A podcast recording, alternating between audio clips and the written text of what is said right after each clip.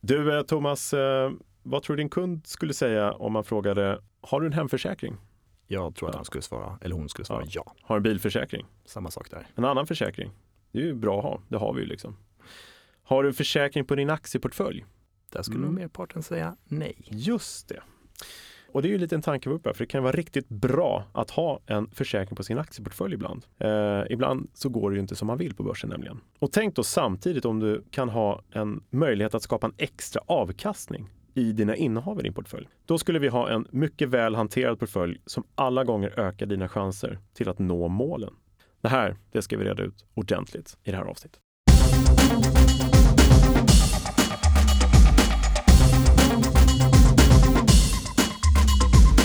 Välkommen till ytterligare ett avsnitt av Optionspodden här.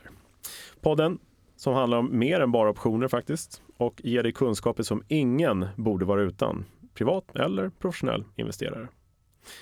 Mitt namn är Kalle Björkegren och vem är du där mitt emot mig? Ja, vi känner varandra ganska bra vid det här laget. Thomas Bernholm, kul att få vara med igen. Från Nasdaq Stockholm. Eh, hur är läget? Tack fint. Ja. Solen skiner och det är trevligt att vara här. Ja, härligt. Du, det lät väl eh, bra det där va? Med mm. försäkring på sin portfölj och överavkastning och Det lät det jättebra. Mm. Samtidigt lite anmärkningsvärt att eh, få använder principen. Det är märkligt faktiskt. Mm. Det var någon som sa till mig en gång, du om man kan uppnå det där, alltså försäkra sin portfölj likt en hemförsäkring eller få en överavkastning, alltså extra avkastning i innehaven. Ja, men varför gör inte alla det för då? då? Mm. Ja, vad svarar vi på det? Ja, svaret är enkelt. Om man vet att man kan göra det, då gör man naturligtvis mm. så. Eh, det vi ska prata om här är ju två av de fyra första grundpositionerna.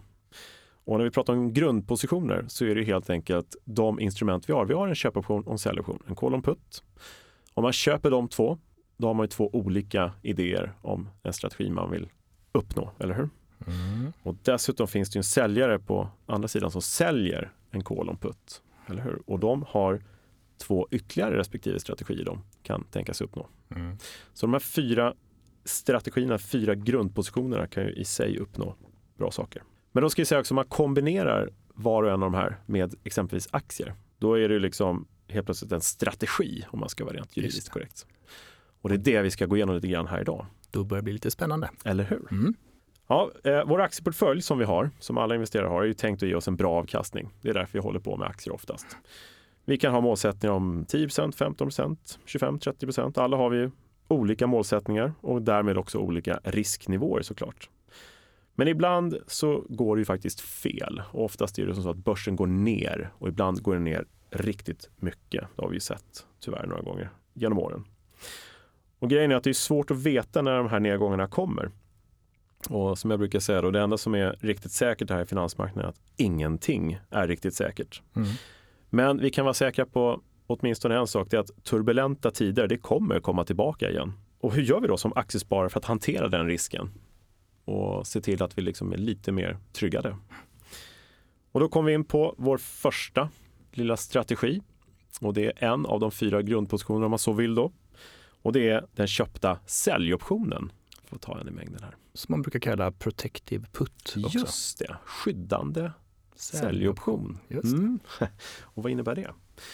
Ja, eh, en säljoption ger ju alltså rätten att sälja någonting, exempelvis en aktie, till ett visst pris inom en viss tid. En eller två månader kanske till exempel. Och eh, eh, det är ju som så att har vi en enskild aktie i en portfölj som vi kanske känner, ja den har gått väldigt bra. Det börjar bli läge för en rekyl eller det är någon risk som ligger i den sektorn eller någonting annat som oroar oss eh, för att vi ska liksom förlora en del av den fina avkastning vi har skapat. Ja, då är det ju till exempel då en protective put vi kan gå in i. Vi köper oss helt enkelt rätten att sälja den här aktien till ett pris som passar oss ja, bra, eh, till en tid som passar oss allra bäst. Mm. Eh, och där ska man verkligen vara tydlig att vad som än händer med aktien så har vi rättigheten att sälja mm. aktierna till det här priset. Till det lösenpriset, ja.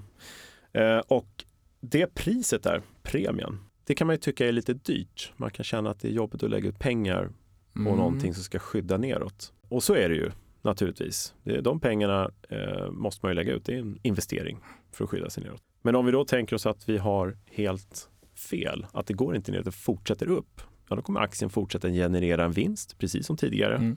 Och efter bara 1,5-2 procent vanligtvis uppgång ytterligare. Då har vi tjänat in den här premien och då har vi full exponering uppåt igen. Och man kan säga så här också att eh, att köpa en säljoption på ett innehav, om man väljer lösenpriset, hur tänker man då? Ska man ta det som är vid aktuell aktiekurs just nu? Eller ska man ta lite lägre? Mm. Där finns det kanske inte något rätt eller fel riktigt. Utan först ska man tänka hur mycket tror jag att det kommer gå ner? Mm. Och det har ju betydelse för vilket lösenpris man väljer. Och sen såklart också vilken löptid behöver jag? Är det imorgon det kan gå ner eller då kanske man köper en jättekort option, alltså en veckoption. Just det. Men är det kanske under en viss tid, under hösten här, men då vill jag vara garderad. Ja. Exempelvis, eller våren. Man kanske liksom. vill vara garderad ett par månader. Man ja, ska... då kanske man köper en två eller tre månaders option så säga, med sån löptid. Precis, finns ju inget rätt eller fel. Det man kan säga är att om man har en, eh, ett lägre lösenpris, så man får sälja billigare helt enkelt, eh, då kostar optionen också mindre. Just det. det är en billigare investering. Det är ju mer attraktivt att få sälja någonting dyrt och mm. då betalar man lite mer. Och det är såklart Logiskt. också en jätteviktig parameter är att hur mycket jag är beredd att betala för min försäkring. Mm. Precis. Och då kanske, skulle det vara så att det var jättebilliga optioner överlag, då kanske man köper en med ett högt lösenpris när man vill köpa en säljoption. Ja. Vi tar ett exempel så vi kommer med banan. Vi har en aktie, där står det 100 kronor. Mm. Vi känner nu här att eh, ja, det kan vara eh, fara och färde för att den här aktien ska mm. fortsätta över 100. Det är en viktig nivå. Det vi köper då är en 100 putt, alltså säljoptionen med lösenpriset 100. Alltså rätten att sälja den här aktien på just 100 kronor en at the money put. Tiden exempelvis 90 dagar, hyfsat lång säljoption faktiskt. Och den kostar oss då 5 kronor. Viktigt här är att när det står 5 kronor på skärmen så är det ej att förglömma multiplikatorn som innebär att det, varje option har underliggande värde om 100 aktier. Så 5 kronor är faktiskt de facto 500 kronor. Just det. Och vad innebär det då? Jo, då har vi ett break-even för att gå even-steven så att säga vid 95 kronor, eller hur? Exakt. Det var jag har rätten att sälja på 100 men jag har betalt 5 kronor. Alltså är det netto 95 som vi får sälja på. Från den nivå är vi dock skyddade helt och hållet på nedsidan. Så går den här aktien ner till 50 kronor eller 40 kronor kraschar rejält mm. inom de här 90 dagarna. Så har vi fortfarande rätten att sälja aktien för 100 kronor. Vi har betalt 5 kronor för det. Så Just det. vi har netto 95 kronor kvar.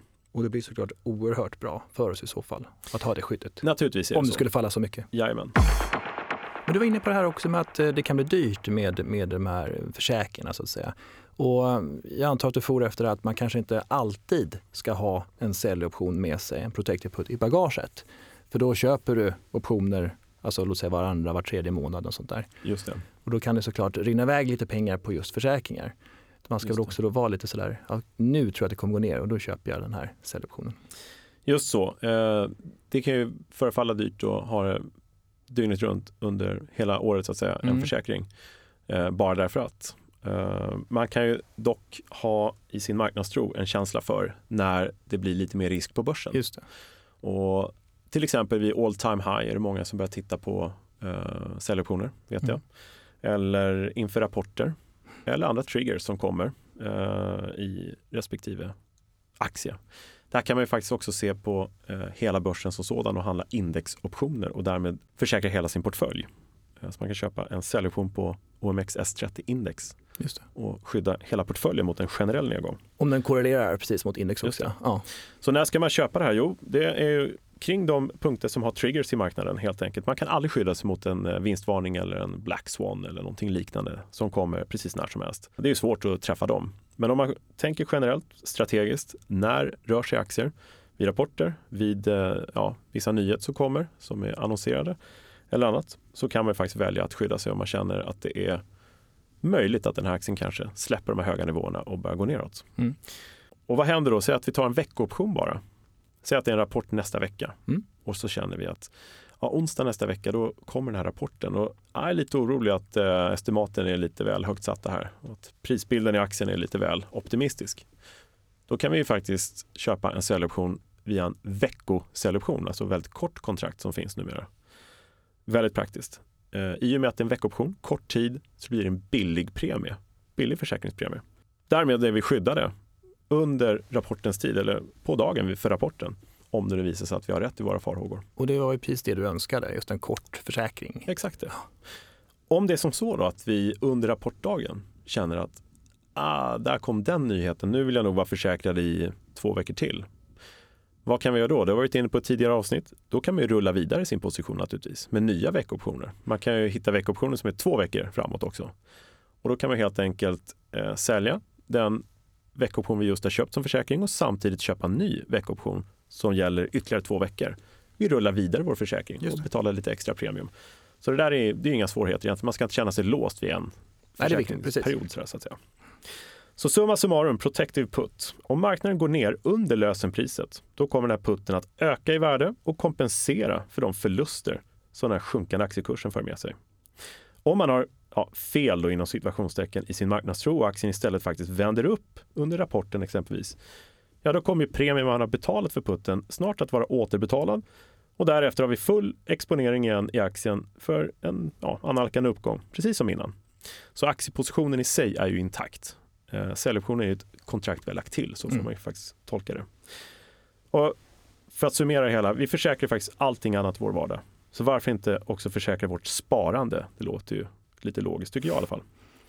Och ett vanligt namn för den här sortens försäkring i ett sparande i, eller ett enskilt innehav är som sagt Protective Put. Och sen kanske man ska lägga till där bara, mm. om man nu vill köpa en protective put, det finns ju olika anledningar. Det kan vara så att en aktie har gått upp och så vidare så att man vill skydda sig generellt. Men inför rapporter och sånt så ska man ha lite koll på värderingar också av optioner. Och de tenderar att bli lite dyrare de värderas högre mm. inför händelser. Mm. Det ska man titta på lite grann också så man inte köper optioner kanske på, på väldigt höga värderingsnivåer. Nej. När det är turbulent på börsen då blir försäkringspremien dyrare. Just det. det är samma sak som om vi eh, bor på en eh, väldigt volatil plats i världen där det är mycket jordbävningar och sånt där, då blir ju självklart Ja, eh, och en bil som är väldigt utsatt också ja. för många stölder, alltså en bilmodell eller biltyp. Ja, eller, De är oftast lite dyrare. Liksom. Ja, eller väldigt dyr cykel. Typ, ja. eller någonting. Mm. Ja, men du, från Protective Put till en annan strategi som jag pratade om tidigare, Covered Call. Just det, ja. en jättevanlig sådan också. Ja. Just det. Eh, kan du berätta lite om den? Ja, vi berörde den lite grann förut och det var det här med att du kan sänka din risk lite grann. Mm. Du kan sänka ditt break-even. Ja. Du kan skapa en avkastning i en stillastående marknad. Ja. Och din avkastning ökar lite grann, eller ökar rättare sagt, vid en mindre uppgång i aktien. Mm. Och det låter väldigt tilltalande. Ja, det gör det. Och covered call, det är alltså en skyddad köpoption. Ja. Och den är skyddad med tanke på att du äger aktierna, de underliggande aktierna. Och du utfärdar alltså köpoptioner mot ditt aktieinnehav. Så låt oss anta att du har aktier som är införskaffade för 100 kronor, eller står det 100 kronor nu. Du kan även köpa dem nu för 100 mm. kronor. Så. Ja. Och sen så tänker vi så här, ja, det går upp en bit. Då kan vi utfärda köpoptioner med lösenpriset 105 kronor. Tycker vi känns bra här och nu. Ja. Och för det så får vi betalt. 3 kronor i premie. Det får man när man säljer saker ja. Just det. Ja. Och vad innebär då detta? Jo, vi sänker alltså vårt break-even med 3 kronor, ja. alltså 97 kronor. Vi tjänar pengar på en stillastående marknad som sagt. För är det så att aktiekursen står kvar på 100 kronor mm. och den här optionen, låter oss att den löper i tre månader, ja. så är den värd noll efter tre månader. Vi har sålt den för 3 kronor. Ja, just det. Då har vi tjänat pengar på en stillastående marknad. Och eh, går det upp till 105 mm. så har vi en fördel här. För att aktiekursen har gått upp 5 kronor. Vi har en latent vinst på 5 kronor. Och så ja. har vi 3 kronor i optionspremie också. Just precis. Det... Så, att, så, att, vi ökar avkastningen där, vilket är jättetrevligt. Det är grymt trevligt. Ja. Uh, och de här premien, den är inte knuten på något sätt till den här affären, utan den kan vi ju det är liksom inget konstigt, man får in de pengarna med ja, en gång. Precis. Ja.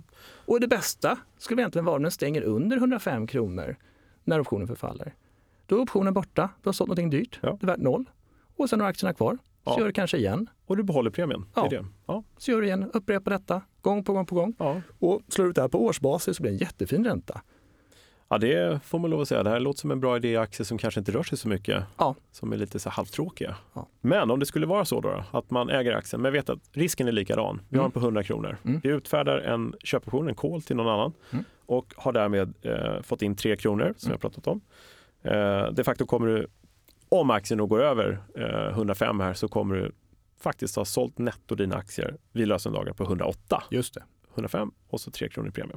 Om man nu känner sig orolig under den här löptiden innan förfallet, mm. att nej, det är över en rapportperiod i aktien, det är något uttalande, någonting händer, något gör att vi blir oroliga. Mm. Vi pratade ju tidigare om protective put, eller hur? Just det. Kan man inte bygga vidare här nu?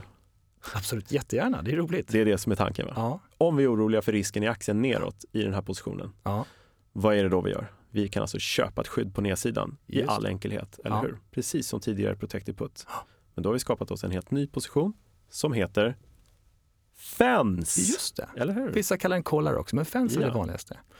Och det där blir jättespännande. Kul att du Mm. tar upp den där. Den där Mm. gillar jag Mm. verkligen. Och det innebär, ska vi ta samma priser för att det enklare? Det gör vi. Ta Mm. samma exempel.